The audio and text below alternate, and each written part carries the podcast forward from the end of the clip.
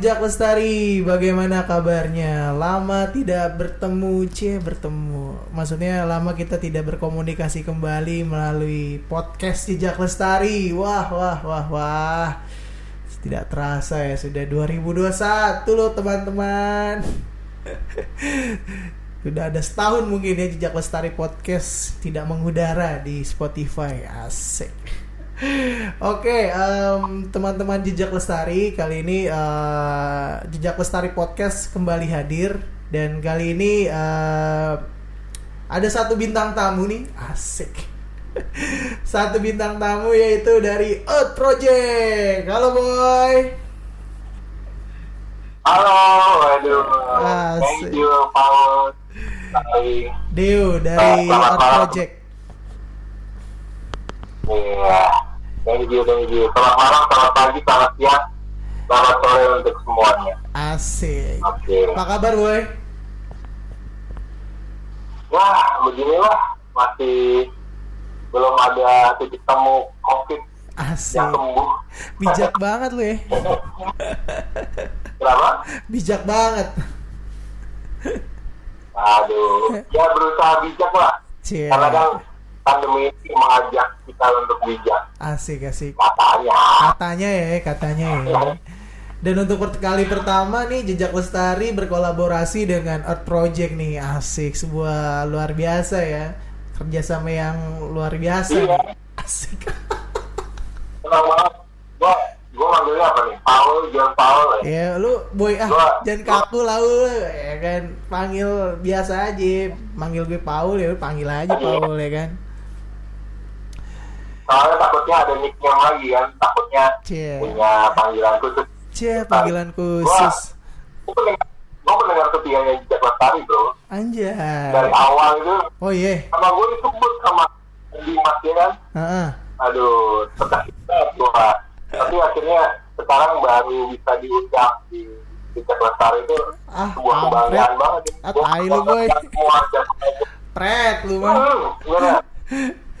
Bisa Gimana? aja lu. Mengosongkan semua jam aja untuk rekaman dan untuk bertemu dengan Cie. uh, pendengar jejak lestari podcast. Iya. Nah nih boy, jadi eh, sebenarnya kan eh, kita di sini eh, mau ngobrol-ngobrol nih, eh, terutama kan kemarin setelah kita melihat ada peristiwa nih, ya kan, eh, peristiwa di mana sebenarnya kejadian ini sih memang sudah terjadi berulang kali, yaitu em, apa namanya memetik memetik edelweiss, ya. Nah jadi topik kita malam ini adalah membahas bagaimana kepedulian eh, seseorang pendaki ya atau orang yang berkegiatan alam terhadap eh, apa namanya tanaman yang dilindungi. Dan juga bukan hanya konteksnya itu aja ya tetapi lebih kepada yang lebih luas lagi adalah menjaga lingkungan eh, alam itu sendiri. Gitu. Gimana boy menurut lo boy? Betul, betul. Ah, gua gua gua terkesima banget. Pokoknya yang pertama, gua tuh sekarang ini uh, harus berhati-hati berbicara sama Paul. Karena kenapa? Gua bicara dengan sosok sosok yang sangat inspiratif ya. Uh, buat teman-teman semuanya ini, dia memang si Paul ini mendaki pertama kali itu bareng gua tahun 2011 2011. Emang ya. tahun 2013. ya 13 13 tahun 2013 di Gunung Gede. Uh, tapi setelah itu gue catatannya gue udah naik pertama kali duluan tuh. Jadi gue sama si Paul sama beberapa teman-teman ada Jerry, ada Bayu itu mereka baru pertama kali. Tapi jam terbangnya Paul sekarang jauh daripada gue. Gue paling cuma ada di Jangan Jawa Barat, gitu lah, Jawa Boy. Paling jauh. jangan Tapi gitu lah Wah, bersampetin bawah kemarin. Gue di say hi dari Tambora. Nah, akhirnya gue gue secara pribadi, uh, gue akhirnya rasa kagum dengan gerakan-gerakan dari Jejak Lestari dan salah satunya mau berkolaborasi dengan ada project yang sama-sama peduli terhadap lingkungan dan alam. Tadi kan lu bilang ah, tentang Edelweiss ya? Iya, Wah, betul, kreatif betul, banget, bro. Sampai detik ini gue kreatif banget. Hmm. Banyak banget, banyak banget Kenapa kena- kenapa bilang. sorry baik gue potong. Kenapa lo prihatin? Kenapa lo prihatin? Apa yang mendasari Deo ya kan eh, seorang pendiri Art Project di pe- eh, prihatin terhadap eh, banyaknya orang yang metik Edelweiss. Gimana boy? gue sebenarnya gue harus garis bawahi buat teman-teman pendengar buat Paul juga gue lebih prihatinnya sebenarnya bukan hanya uh, terkait dengan fenomena ini artinya memakai ideologi tetapi kerusakan-kerusakan alam gitu kan ya, ya contohnya vandalisme plastik di mana-mana kemudian sampah itu uh, lu juga tahu lah lu pendaki yang sudah melalang buana sampah itu begitu banyak.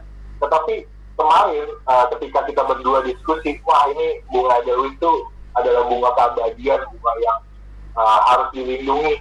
Tapi dengan mudahnya demi cinta yang sesaat mereka akhirnya memetik bunga keabadian. Nah itu kan uh-uh. uh, apa yang membuat diriku tegun gitu kan? Apa yang diriku prihatin? Mm-hmm. Kelihatan bro. Bahwa pendaki zaman sekarang. Nggak tahu etika mereka main naik naik gunung ya naik gunung aja. Mm. nggak tahu tuh apa yang harusnya diperbolehkan sama yang tidak. Mm-hmm. itu itu yang bikin banget. Kalau lu kenapa? Kalau lu sendiri lu uh, kenapa ya gimana ya boy? Um, kalau yang gue lihat kan memang sekarang mendaki adalah sebuah tren ya. Um. Ya sah-sah aja sih, maksudnya uh, orang tuh boleh naik gunung ya sah-sah aja, ada yang uh, melarang lah istilahnya gitu. Tetapi yeah. Uh, apa yang melatar belakang melatar belakangi lu naik gunung, mendaki gitu kan? Jangan sampai lu uh, alasan lu untuk naik gunung adalah ikut-ikutan gitu uh, karena ngelihat oh di Instagram banyak foto-foto bagus gitu kan oh pemandangannya indah ya kan keren gitu kan um, jadinya ikut-ikutan sehingga uh, hanya tujuannya itu untuk mendapatkan uh, foto aja.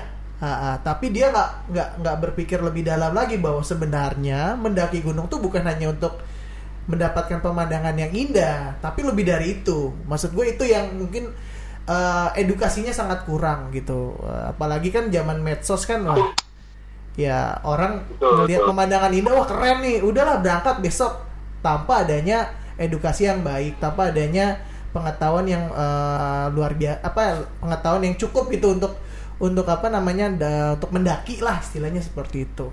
Gitu sih kalau menurut gue boy. Gimana?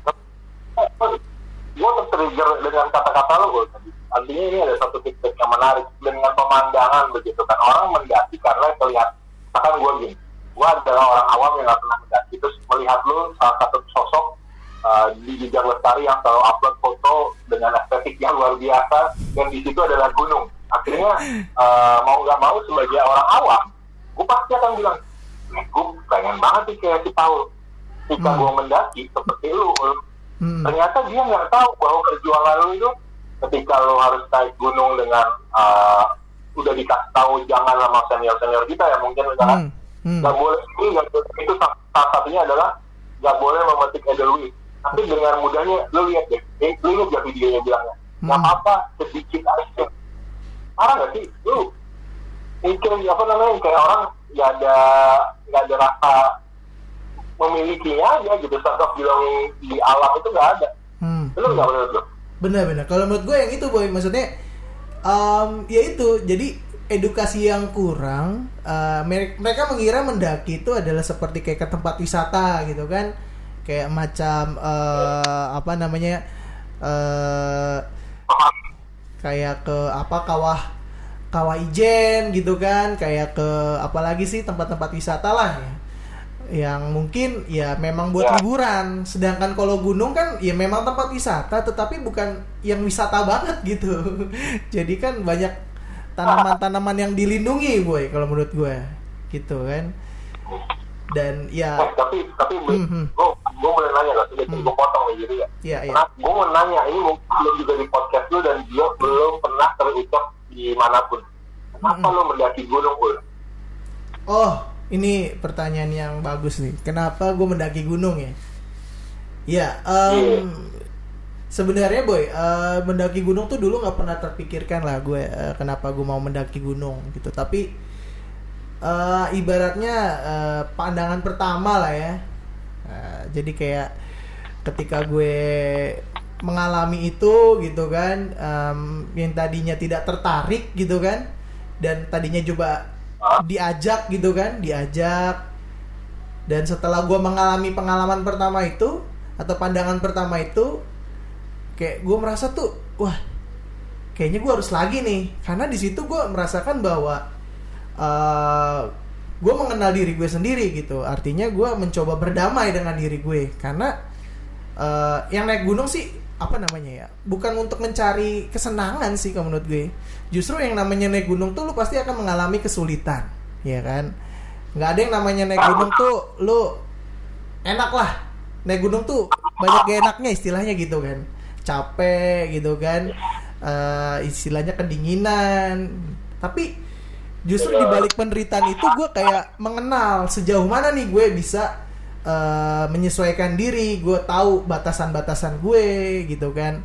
Dan dan yang paling penting adalah gue bisa berefleksi sih atau uh, merenungkan gitu kan. Istilahnya mengambil jarak dari dari aktivitas gue sehari-hari gitu. Dan itu yang gak gue temukan di di kota gitu. Mm -mm. iya. Gitu gue gue gue setuju banget gue gue setuju banget bahwa gunung, gunung itu adalah tempat untuk menenangkan diri bukan untuk menyelesaikan masalah. Betul nah, betul. balik lagi gitu balik lagi tadi waktu pas lu bilang bagaimana fenomena terhadap uh, naik gunung itu?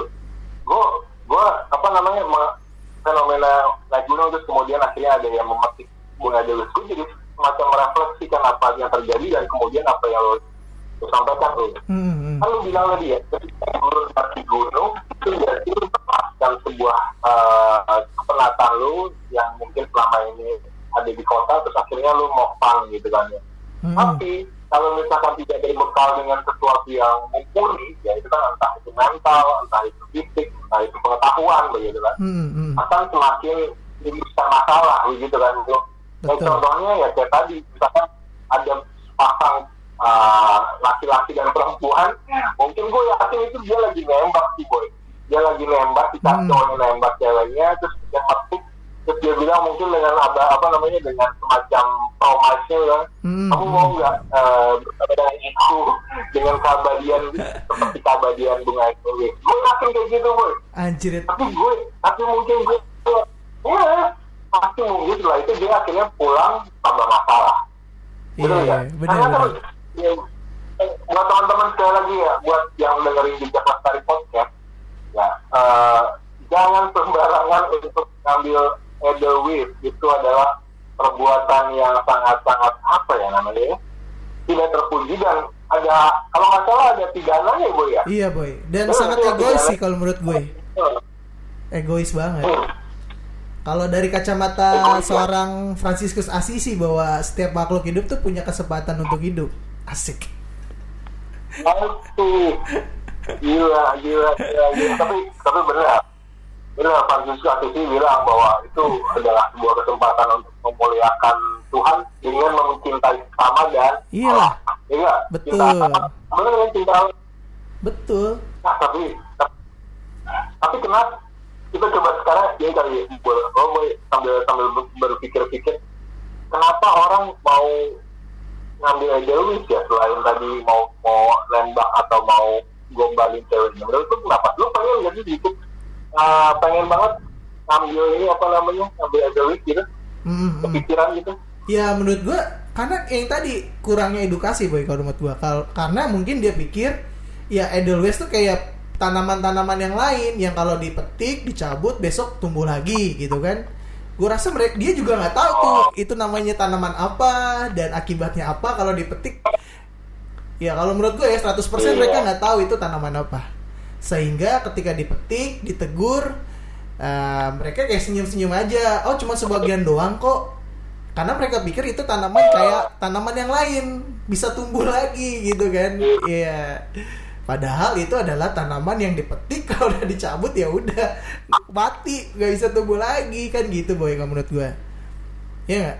Apa apa gimana? iya benar juga gue gue gue setuju banget. Mungkin mereka nggak ada edukasi tapi bisa jadi kalau mereka memang uh, semacam ya memang udah tahu tapi bodo amat. Gue nggak tahu itu terjadi di mana ya karena uh, gue kalau nggak salah deh sorry gue potong itu di di di di, di sebuah bukit di di di kota Lombok kalau nggak salah uh-uh.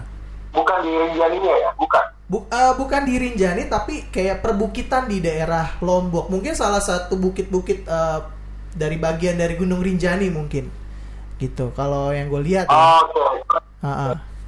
karena kan Edulus itu bisa tumbuh di atas 1500 kalau nggak salah ya Iya, betul, betul. 1500 karena titik itu kan uh, mayoritas kan 1000 mdpl nggak sampai 1500 mungkin 1500 ya. Mm, mm. gitu ya. Tapi, tapi gua gua gua juga tertarik ngebahasnya bukan cuma Edelweiss gua memang geram banget ya. Apalagi kemarin beberapa teman-teman tanya kenapa sih apa istimewanya Edelweiss apa sih harusnya Edelweiss terus gua menjelaskan sedikit kan bahwa Edelweiss Hmm. itu adalah bunga abadi memang hanya cantik ketika dia tumbuh di puncak gunung atau mungkin di lembah gunung nah Oke. tapi itu kan yang memang harus diedukasi ya kan? Mm, mm, mm. gua gua juga kadang oh, sama pendaki yang naik gunung celana, pakai celana jeans terus pakai sepatu converse lu sering ketemu kayak gitu ya Oh, sering, sering. Banyak banget yang kayak gitu. gimana tuh gimana gimana Um, beda kan ya gimana ya sekali lagi gue bilang karena kurangnya edukasi yang baik ya mereka nggak tahu apa-apa tuh kayak ya udah kayak pergi wisata aja tetapi tidak dibekali dengan pengetahuan yang cukup kalau menurut gue jadi eh, ya sebenarnya kalau dibekali dengan edukasi pengetahuan yang cukup eh, mereka harusnya bisa bisa nggak seperti itu gitu. Kayak kenapa sih lu naik gunung celananya jangan celana jeans lu harus celana lapangan yang terbuatnya juga bukan dari bahan jeans. Terus juga kenapa sih lu harus pakai eh, apa namanya sepatu? Kenapa nggak lu pakai sendal jepit? Kan kayak gitu-gitu kan termasuk kayak edukasi lah ya kan edukasi buat orang-orang bahwa sebenarnya mendaki gunung tuh ya tidak seperti lu ke tempat wisata gitu Nah, sehingga yang tadi gue bilang pendaki-pendaki yang yang yang eh, seperti itu tuh yang kayak metik Edelweiss, yang buang sampah sembarangan, yaitu pendaki yang istilahnya inisiatifnya keluar karena melihat pemandangan dari Instagram kayak medsos gitulah. Kalau menurut gue, ya nggak? Bener bener banget sih karena kan? karena kan selama ini kan uh, media sosial yang paling racun itu menurut gue Instagram kan mereka nggak pernah tahu uh, bagaimana sih orang yang poster uh, apa namanya yang post itu penuh dengan perjuangan kan kalau tadi kan lu cerita kan lu Mm-mm.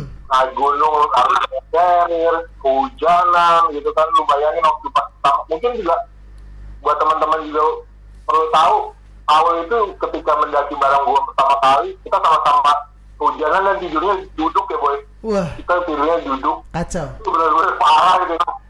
Sedih kalau entah diingat. kenapa memang Ih, sedih banget ya. Tapi entah kenapa Paul terpanggil untuk uh, kembali untuk ke alam. Karena tadi dia bilang begitu kan. Gue secara pribadi juga uh, pengen ngajak semua orang Ul. Aha. jadi jangan hanya dari fotonya jangan lihat dari videonya. Kan gue juga nggak tahu ya kemarin kan lu kirim video di Tambora ternyata ada kejadian aneh? Atau enggak kan gue nggak tahu juga gitu kan. Iya, tapi betul. memang kenapa ya? Emang sekarang anak-anak anak-anak muda sore-sore banget ya. Banyak yang pengen instan aja boy. Betul. Iya, betul.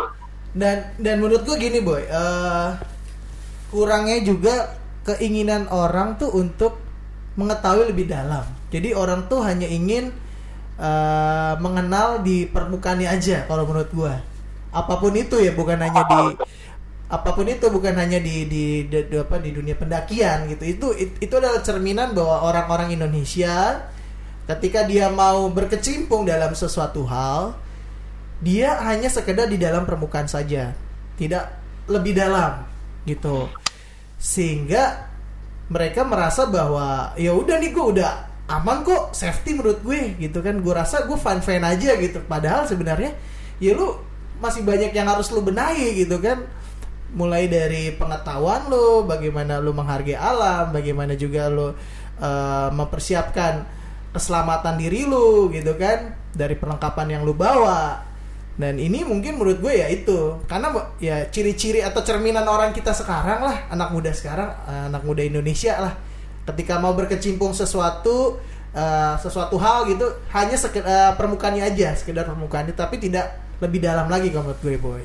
Gitu ya kayak ngerti? kayak ini nggak sih kayak kayak kurangnya literasi. Nah. kurang literasi. literasi betul. Kurangnya budaya literasi membaca betul. Bisa. Nah, ya, tapi tapi bukan literasi itu buat buat gue secara pribadi ya lu. Bukan cuma baca sih tadi karena karena gue tertrigger dengan ah, apa yang lu sampaikan. Ketika mau mendalami sesuatu tuh orang cuma pada permukaan aja gitu ya padahal sebenarnya kan kayak contoh nih mungkin mungkin juga lu bisa amini ya ketika lu ke Tambora lu bersama dengan Dimas ya kan Hmm. salah satu sahabat juga Eh, kalian berdua belum pernah sama sekali ke Tambora tapi kan kalian berdua gue yakin meng- meliterasi eh, daerahnya seperti apa kontur Hmm. tanahnya bagaimana ya kearifan lokal begitu betul nggak kayak gitu kan Iya betul Boy. Nah mungkin masalahnya memang sekarang itu anak muda kurang literasi gitu ya boy literasi. Nah ngomong-ngomong literasi boleh nggak ceritain terkait dengan persiapan lu Ul? Mungkin buat teman-teman juga. Eh, dan gue juga nanti gue akan cerita persiapan ketika lu mendaki ke pe- ke gunung yang notabene belum pernah orang daki Ah, Uh, atau mungkin lu belum pernah terus lu apa saja yang lu cari tentang tentang pengalaman lu tentang, tentang info tentang si gunung itu? Boleh cerita nggak lu kayak kayak apa Ah. contohnya Ya kalau gue sih gini mungkin Kalau gue istilahnya gini, eh, ini buat sharing aja ya, buat teman-teman yang mungkin eh, sudah pernah naik gunung ataupun belum eh, pernah naik gunung. Ya in- intinya kalau lu belum pernah ke gunung itu, eh, lu harus cari info sebanyak-banyaknya, cari informasi gitulah. Eh, terlebih lagi lu datang bersama teman-teman lu yang juga belum pernah ke sana. Syukur-syukur kalau ada teman lu yang udah pernah ke sana. Yaitu tapi tetap kita mencari informasi gitu. Bukannya kita malah meremehkan atau menganggap sepele. Ya karena pentingnya eh, kita tahu keadaan itu, bagaimana gunung itu seperti apa, terus kira-kira konturnya bagaimana, jarak tempuhnya seperti eh, berapa gitu kan. Nah, gue rasa gue rasa itu sangat penting gitu jadi ketika lo mengalami kesulitan di tempat tersebut lo tahu apa yang harus lo lakukan gitu kalau menurut gue boy dan itu yang gue jaga sampai dengan sekarang. Jadi ketika gue mau pergi ke gunung A gitu kan ke gunung B apalagi itu gue belum pernah mendaki kan di tempat itu ya gue cari informasi sebanyak banyaknya gitu kan. Eh, kira-kira kalau ke sana tuh nah harus naik apa gitu kan butuh biaya berapa berapa jam eh, untuk ke sana gitu kan. Sampai pada hal-hal yang detail gitu orang-orangnya di sana kayak gimana gitu kan. Nah kayak gitu sih kalau menurut gue boy. Termasuk termasuk larangannya tadi ya. Larangan-larangannya apa yang boleh dan apa yang tidak boleh betul. Bener Hmm. kayak gitu sih boy. Ya bukan bukan berlaku di di dalam dunia pendakian ya. Gue rasa ini juga berlaku dalam dunia kerja sih. Istilahnya eh, ketika lo pindah ke tempat kerja baru kan juga lo pasti kan eh, harus beradaptasi lah. Lo kira-kira lo pastikan lo melihat dulu nih perusahaan apa misalnya tempat kerja lo yang nanti calon bakal lo kerja di situ kan. Lo pastikan ketika lo wawancara kan lo nggak mungkin terima-terima aja. Pasti kan lo searching-searching informasi sebanyak-banyaknya tuh mengenai tempat tempat calon kerja lo itu. Nah baru lo putuskan bersedia untuk bergabung kan gitu kan. Biasanya gitu sih. Mirip-mirip lah sama kayak lo nyari kerja gitu itu itu terjadi ketika lo nyari kerja baru ini ya jadi nyari dulu semuanya iya anjir ketahuan lagi kampret dia sendiri yang mancing, gue cuma tunggu duluan. Tapi gue setuju, artinya ketika harus nyari tahu, nyari tahu deh.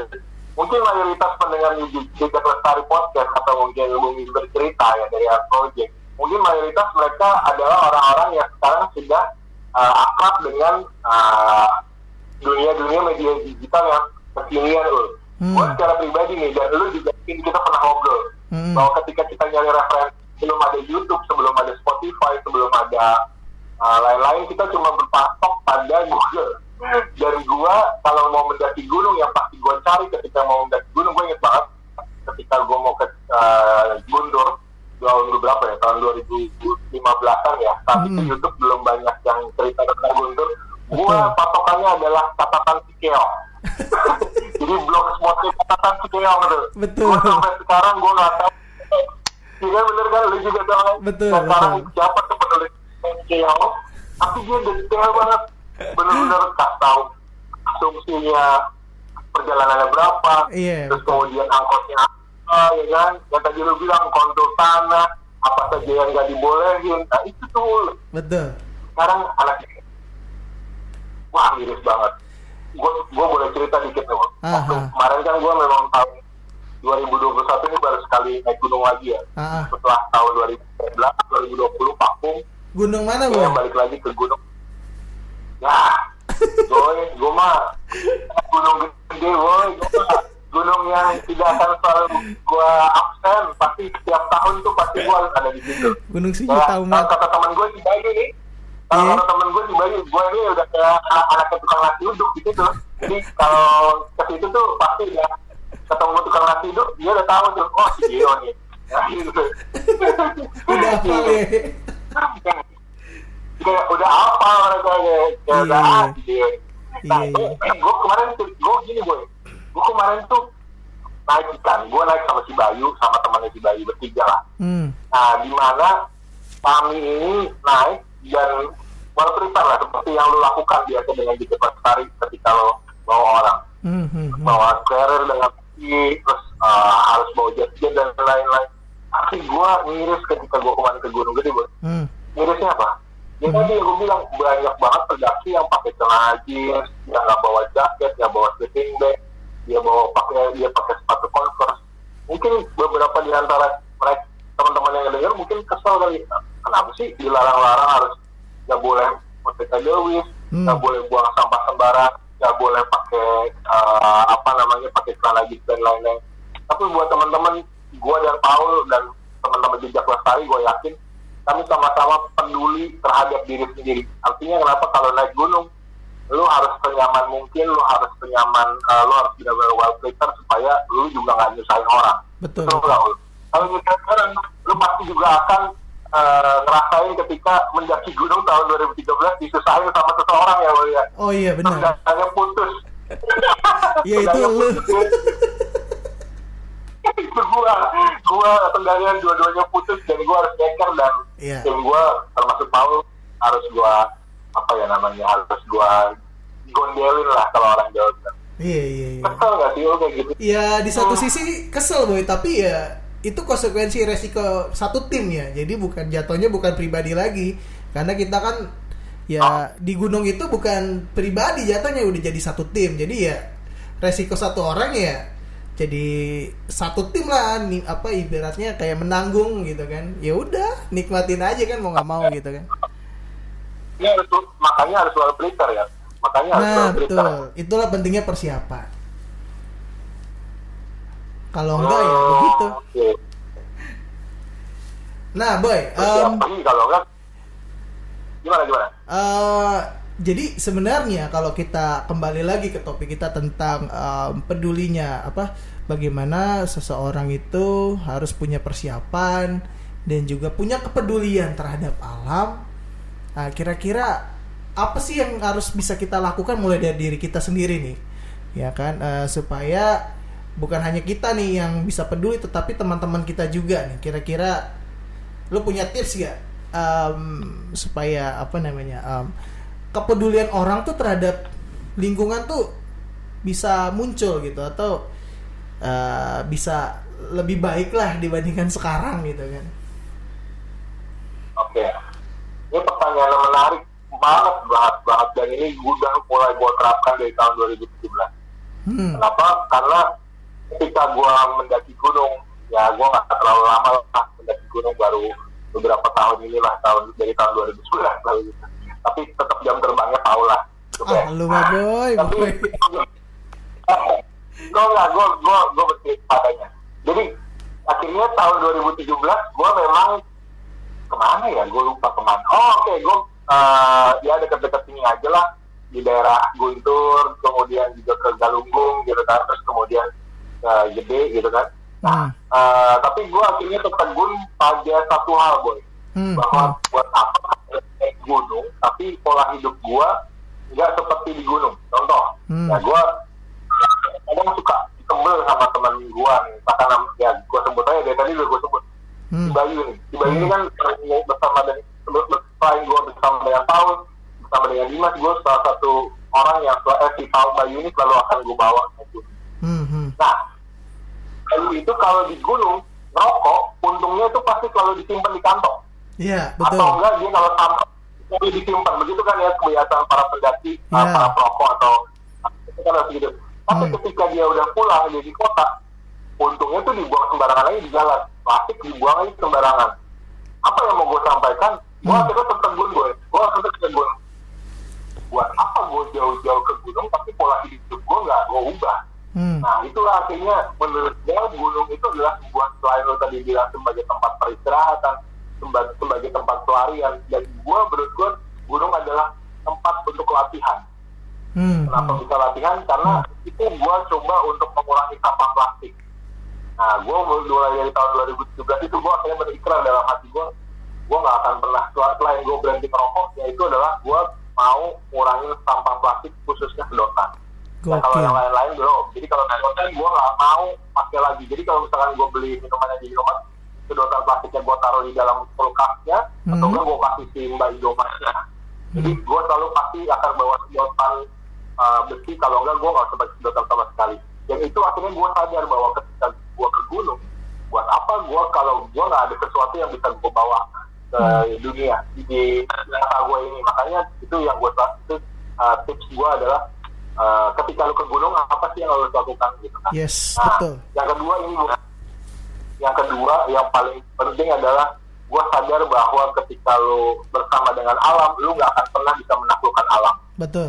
alam itu bukan sebagai aman untuk ditaklukkan tetapi alam adalah sebagai tempat untuk latihan untuk menaklukkan diri kita boy Betul. dulu gue suka suka sebel banget sama teman-teman gue tapi bukan di Jakarta Sari ada teman gue yang lain. Mereka bilang gini boy yuk kita taklukkan Gunung Semeru ayo kita taklukkan Gunung Sumbing dan lain-lain. Tapi gue mikir kok iya buat apa lu melakukan gunung gitu kan? Tapi tapi tapi lu sendirinya juga tidak bisa menaklukkan diri sendiri. Dan Betul. yang paling penting alam yang akan bisa ditaklukkan. Gitu jadi akhirnya ketika sadar bahwa alam itu dia bisa ditaklukkan ya udah berarti hal yang lo lakukan apa? Oh akhirnya gue menjaga. Makanya itu gue sekarang uh, bukan jumawa ya. Gue Hmm. udah mulai uh, apa namanya mulai lah. Sampah-sampah itu harus gue taruh di tempat yang tepat. Sampah plastik itu gue udah mulai kurangin. Meskipun gue selalu masih pakai sampah plastik apa masih pakai kantong plastik gue masih tapi Hmm. kalau sedotan plastik gue 100% sudah tidak pernah plastik. Itu boy. Jadi gue Gokil, gokil. apa yang gue gunung harus gue lakukan di di dalam kehidupan gue di kota gitu. Gokil. Setuju boy. Itu itulah itulah inti dari kita mendaki gunung gitu. Jadi apa yang bisa lo bawa lo terapkan di kota atau di rumah lo gitu. Kalau menurut gue itu sharing yang bagus sih. Jadi em, kalau gue sendiri ya, ya setidaknya em, gue menghargai alam. Gue nggak boleh buang sampah sembarangan. Ya karena kalau gue buang sampah sembarangan kayak gue berkaca aja. Gue bercermin dalam diri gue. Ya buat apa gue naik gunung kalau ujung-ujungnya gue di kota buang sampah sembarangan. Iya kan? Gue kayak menjadi munafik lah alah gue sok-sokan naik gunung lu menjaga gunung dari sampah gitu kan tapi di kota sendiri gue malah buang sampah sembarangan itu kayak apa ya kayak munafik sih jatuhnya dan dan itu gue nggak mau seperti itu Ah, ah, jadi ya yang bisa gue lakukan adalah gue ya mulai dari menjaga apa namanya kayak sampah gitu buang sampah pada tempatnya. Nggak buang sampah sembarangan lah itu sampai sekarang gue pegang terus gitu. Jadi baik itu gue lagi di rumah gue lagi di jalan ketika gue habis makan minum terus tiba-tiba nggak ada tempat sampah ya gue usahakan gue pegang dulu ya kan? Itu resiko resiko yang harus gue tanggung. Baru kalau ketemu tempat sampah ya gue buang nggak gue buang sembarangan gitu karena yang tadi gue bilang gue memegang uh, ini boy memegang uh, pemahaman bahwa makhluk hidup tuh bukan gue doang sebagai manusia Iya enggak? Iya lah. Makhluk hidup tuh manusia tuh hanya sekian dari beberapa makhluk hidup yang ada. Ada hewan, ada tumbuh-tumbuhan, ya kan? Ah, apa eh, dan yang lain-lain gitu. Termasuk kayak pohon-pohon itu kan makhluk hidup menurut gue. Walaupun kita nggak bisa dengar suaranya, tapi kan ya mereka berhak juga gitu kan, berhak untuk hidup juga gitu. Dan kesadaran kita lah manusia yang mungkin memiliki eh, apa keunggulan yang eh, seharusnya gitu bisa lebih baik dibandingkan makhluk hidup lain. Jangan sampai kita makhluk hidup yang udah punya akal budi malah kayak nggak punya akal budi gitu kan, nggak nggak punya pikiran gitu. Jadi seenaknya aja gitu kan. Itu sih boy kalau menurut gue. Iya, iya. dan terakhir gue sih gue terakhir gue gue nambahin dengan apa yang lo tadi tambahkan adalah uh, jangan kalau lo ya ini tadi udah disebutin Paul sih gue cuma bilang lo nggak usah naik gunung kalau cuma pengen menuhin uh, foto-foto di Instagram lebih baik lo uh, tidur di rumah tetapi setelah itu lo peduli terhadap lingkungan kita daripada Hmm. lu naik ke gunung cuma pengen gaya-gayaan tetapi gak ada sesuatu yang di bawah itu nothing banget sih menurut gua buat Betul. apa gitu Iya, buat apa boy? Buat apa? buat apa Iya, karena ya ya itu sekarang yang orang-orang cari kan maksudnya ya mendaki gunung untuk dapat foto doang. Tapi mereka nggak nggak berpikir nggak nggak berpikir lebih jauh gitu dampak terhadap diri mereka, maksudnya dampak terhadap apa yang mereka bisa lakukan di dalam lingkungan mereka gitu. Maksudnya minimal tuh untuk eh, menjaga lingkungan lah gitu kan untuk lingkungan rumah gitu kan. Ya lu harusnya ya sudah sudah menjadi hal yang harus gitu kewajiban gitu seba- sebagai seorang pendaki ketika lo bisa mendaki bisa menjaga kebersihan di gunung lu harusnya juga bisa menjaga kebersihan di dalam tempat tinggal lo rumah lo sendiri gitu kan ya kan jangan sampai seorang pendaki malah lo malah berantakan lah lo kotor lah lo. Nggak bisa menjaga lingkungan hidup lah. Gitu sih yang gua harapkan gitu. Jadi ada efeknya dampaknya buat buat hidup lu juga. Oke iya benar ada ada dampaknya ada ada sesuatu.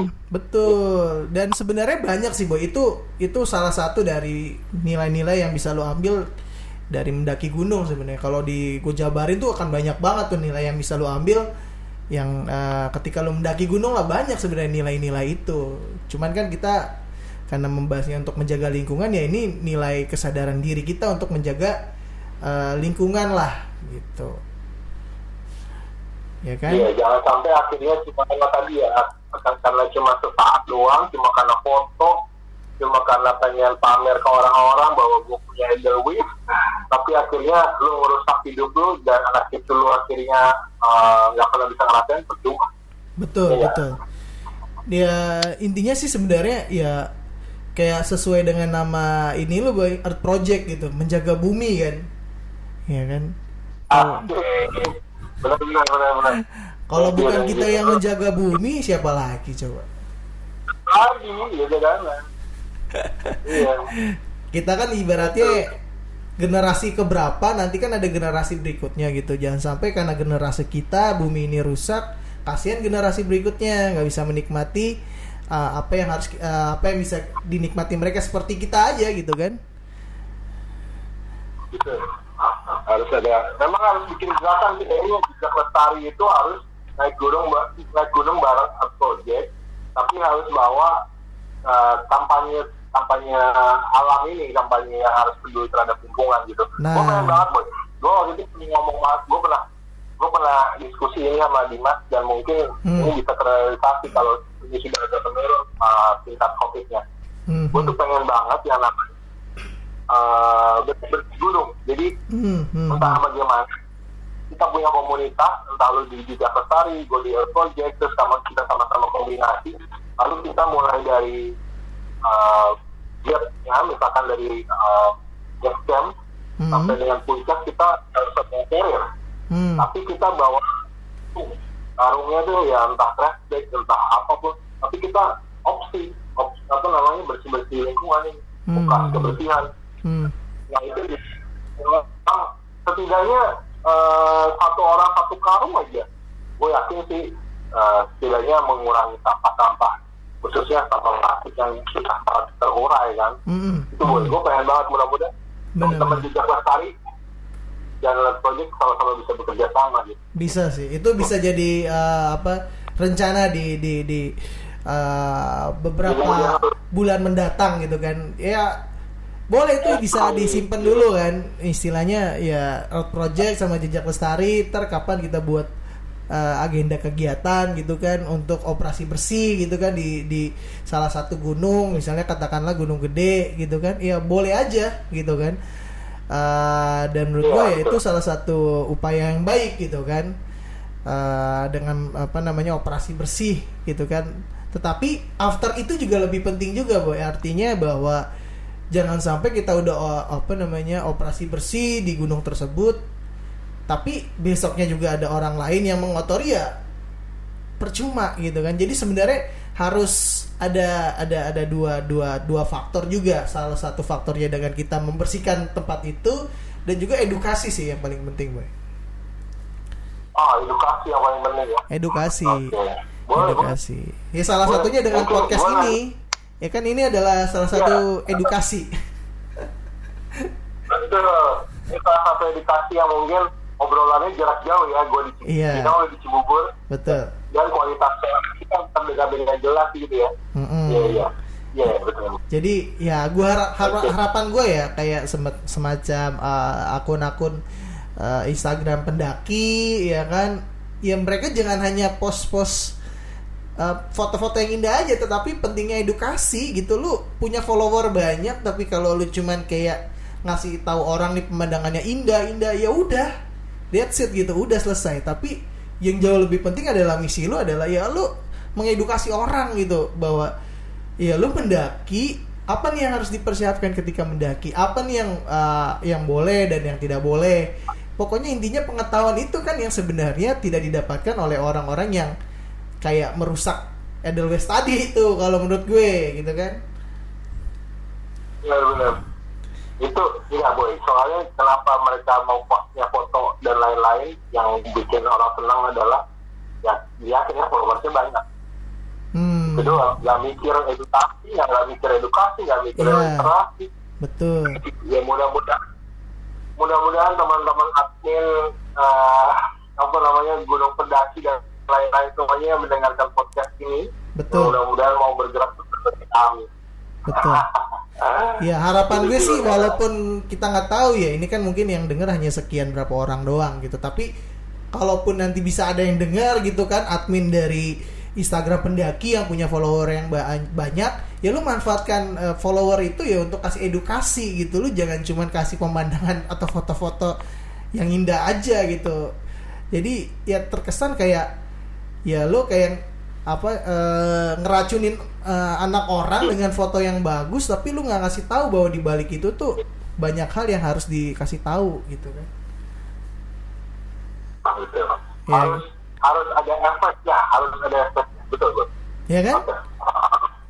Itu yang yang yang menurut gue di di di, di akun-akun pendaki tuh um, ada tapi mungkin nggak nggak banyak gitu. Mungkin ada cuman nggak banyak gitu. Lebih banyak yang kayak ngasih foto aja gitu kan foto-foto yang bagus repost foto foto orang gitu kan. Jadi ya iya jadi kalau lo lihat ya sah-sah aja Gi. Maksudnya pendaki makin hari makin banyak tetapi di harus diimbangi dengan edukasi yang baik. Karena kalau pendaki banyak pendakinya bertambah tidak diiringi dengan edukasi yang baik ya alamnya nanti jadi rusak. Gitu gue setuju banget boy tapi ada satu tadi gue akhirnya terpikirkan gara-gara berkaitan ngomongin edukasi yang lain-lainnya Mm-mm. tapi buat gue secara pribadi bukan cuma Instagram yang harus mengedukasi Hmm. ada dua hal yang pertama adalah mungkin ya kita nggak tahu ya podcast ini apakah didengarkan oleh orang-orang Kementerian Pariwisata atau enggak Hmm. atau mungkin Kementerian Hukum dan Lingkungan Hidup tapi gue berharap pemerintah benar-benar peduli dan aware terkait terkait dengan edukasi eh, eh, hubungannya dengan gunung dan hutan begitu kan Hmm. karena kan gunung dan hutan dan juga pantai mungkin itu banyak sampah banyak orang-orang yang sembarangan snorkeling sembarangan terus Hmm. daki juga sembarangan itu pertama yang kedua boy yang paling krusial Hmm. ranger atau penjaga hutan atau mungkin penjaga lingkungan hidup Hmm, mereka hmm. jarang banget mengedukasi gue yang gue gue gue sebagai gue ya bukan sebagai pendaki ya gue sebagai penikmat alam lah boleh boleh dikatakan begitu penikmat alam uh, benar-benar berkecimpung di gunung dari tahun 2011 sampai dengan tahun sekarang 2021 berarti 10 tahun Hmm. gue belum pernah diedukasi secara langsung oleh mereka. Jadi cuma mereka cuma ketika eh, apa namanya cek simaksi, dia cuma bilang oke jangan kotorin sampah dan lain-lain, tapi tidak memberikan efek yang tadi kita bicarakan, bu, Hmm. Hmm. bahwa efek ini begini begini begini. Eh, paling cuma apa sih di Gunung Semeru? Di Gunung Semeru pun juga terkait bukan lingkungan kan, Hmm. terkait dengan eh, disorientasi dan lain-lain. Itu Hmm. boy. Mungkin harus ada sesuatu yang dipikirkan matang-matang oleh pemegang kekuasaan ini di USA ini. Iya kalau nunggu yang dari atas memang agak susah sih boy. Em, makanya kan yang eh, yang penting banget adalah atau yang menurut gue bisa kita lakukan adalah ya ya kita mengingatkan teman-teman kita gitu. Eh, terutama kalau kita punya teman yang mau mendaki ya kita kasih tahu dulu nih lu gimana? Lu edukasinya udah bagus belum? Atau lu udah tahu belum tentang tentang apa yang perlu dipersiapkan ketika mendaki? Gitu kan. Supaya apa? Supaya ya biar kenyamanan dia juga biar dia nggak kenapa-napa gitu kan. Terjadi apa-apa di di gunung gitu kan. Ya menurut gue kalau nunggu nunggu pemerintah tuh kayaknya aduh kalau menurut gue boy gue sih realis, realistis aja gitu kayak susah boy. Karena ya ya lo tau lah ya kan eh, pemerintah itu baru baru bergerak kalau udah terjadi sesuatu gitu. Ya makanya makanya kita ini ya ya dimulai dari di- diri kita sendiri dan harapan gue me- melalui podcast ini ya kita juga bisa memberikan edukasi ya tentang bagaimana eh, menjaga lingkungan hidup. Ya artinya dengan lo mendaki bukan hanya sekedar mendaki tetapi ada nilai-nilai yang dibawa di dalam eh, dunia yang lu jalani atau realitanya gitu realita kehidupan lo gitu kan. Gitu boy kalau menurut gue. Ya, gue setuju banget. Pokoknya seharusnya uh, jangan berpikir dari atas saja, tetapi mulai dari bawah. Kita bawah sebagai rakyat bergerak, Mm-mm. otomatis uh, pemerintah juga pasti akan bergerak. betul Ya, we want, apa, sangat percaya banget lah kita. We want trust gitu pada pemerintah. Betul, Bay. Kita hal-hal kecil tapi kalau dilakukan secara konsisten bisa menjadi hal yang besar, Boy. ah benar. Tapi nggak kayak Arsenal, boy. Konsisten. Kenapa jadi bola? Oh, salah ya. Kalau bola gue udah deh, gue tutup mulut deh, gue udah nggak terlalu berharap banyak lah pada Arsenal. Tapi lu berharap banyak pada masa depan lu yang cerah ini kan, boy. Cia, kalau itu mah udah jelas, Boy. Setiap orang pasti punya keinginan untuk masa depan yang jelas. Asik. Apa lagi kira-kira mau kita edukasi lagi nih, boy? Ya, mungkin nanti kita bisa eh, kira-kira obrolin lagi nih kira-kira next topiknya apa gitu kan. Eh, ya semoga kolaborasi dengan Art Project ini melalui podcast ya nggak berhenti sampai sini. Nanti ada lagi topik-topik yang mau kita angkat gitu. Ini kan hanya salah satu nil apa ya keprihatinan kita boy. Kan masih banyak keprihatinan keprihatinan eh, keprihatinan lain yang mungkin eh, belum kita bahas gitu istilahnya ya pokoknya Gue setuju banget, boy. Hmm. Mungkin Mhm. Memang harus uh, harus ada semacam kontinuitas pertemuan kita nih berdua dan Hmm. mungkin bukan cuma berdua tapi di tim art projectnya sendiri ada dan mungkin Hmm. dari jejak lestari juga. betul dan Istilahnya ah, event ini tetap terus berjalan gitu. betul dan ini membuat gue juga harus konsisten juga nih membuat konten di podcast Akhirnya gue kan eh, teman-teman pendengar kalau memang mau mendengarkan uh, jelas silahkan dengarkan karena mungkin uh, ini berkaitan dengan edukasi. Kalau gue di bumi bercerita mungkin Iya. uh, topiknya akan paradigma kehidupan. Jadi cara luas tuh gitu. Nah, jadi kalau memang terkait dengan alam silahkan teman-teman ikuti dan follow terus Bijak Lestari Eh, jika teman-teman ingin eh, mendengarkan eh, renungan-renungan yang menyejukkan hati eh, bagaimana kalimat-kalimat positif eh, yang membuat kalian termotivasi kalian juga bisa mendengarkan Bumi Bercerita melalui Art Project. Ya jadi istilahnya saling saling promosi lah ya. Dengerin cuma orang-orang ini gitu doang ya ternyata. Nggak apa-apa boy. Nggak apa-apa boy. Is- istilahnya walaupun yang dengar orang itu itu doang setidaknya kita memberikan impact lah pengaruh gitu kan. Betul iya loh jangan betul. jangan dilihat jangan dilihat kuantitasnya boy. Tapi bagaimana kita melakukan itu prosesnya kita mengembangkan diri kita juga gitu boy. Ya kan mengembangkan hobi kita Betul, juga. betul hobi kita tuh kan ngomong ya jadinya. Ya. uh, terus lah dan yang paling penting apa boy? Dan yang paling penting apa? Sharing boy. Apa tuh oke karena sharing itu sangat menguatkan satu sama lain betul ya? Ya karena sharing is betul caring. betul, betul. iya sharing sharing Yoi. sharing is apa namanya? Apa ya? Ini ini ini, ini apa nih? Itu ya gua gua sudah mulai ngelantur karena udah malam banget nih. Kayaknya butuh anggur merah, boy. setan tapi gua butuh setan Kampret. ya, boy, makasih banyak ya. Oke, gue senang banget ngucapin Hmm. terima kasih banget buat lu dan teman-teman juga Bestari. Mudah-mudahan pertemuan kita bukan di sini aja Siap, siap. dan mudah-mudahan terus proses edukasi bersama di Jejak Bestari dan Bumi Bercerita atau proyek kita. Siap, siap. Sekali lagi pokoknya eh, makasih banyak boy. Semoga semakin berkembang Art Project dan teman-teman nanti juga bisa follow Instagramnya Art Project atau bisa mendengarkan podcastnya Bumi Bumi Bercerita.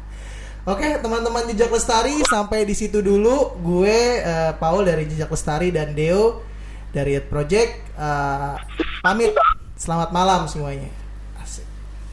Selamat malam, God bless. Bye. God bless.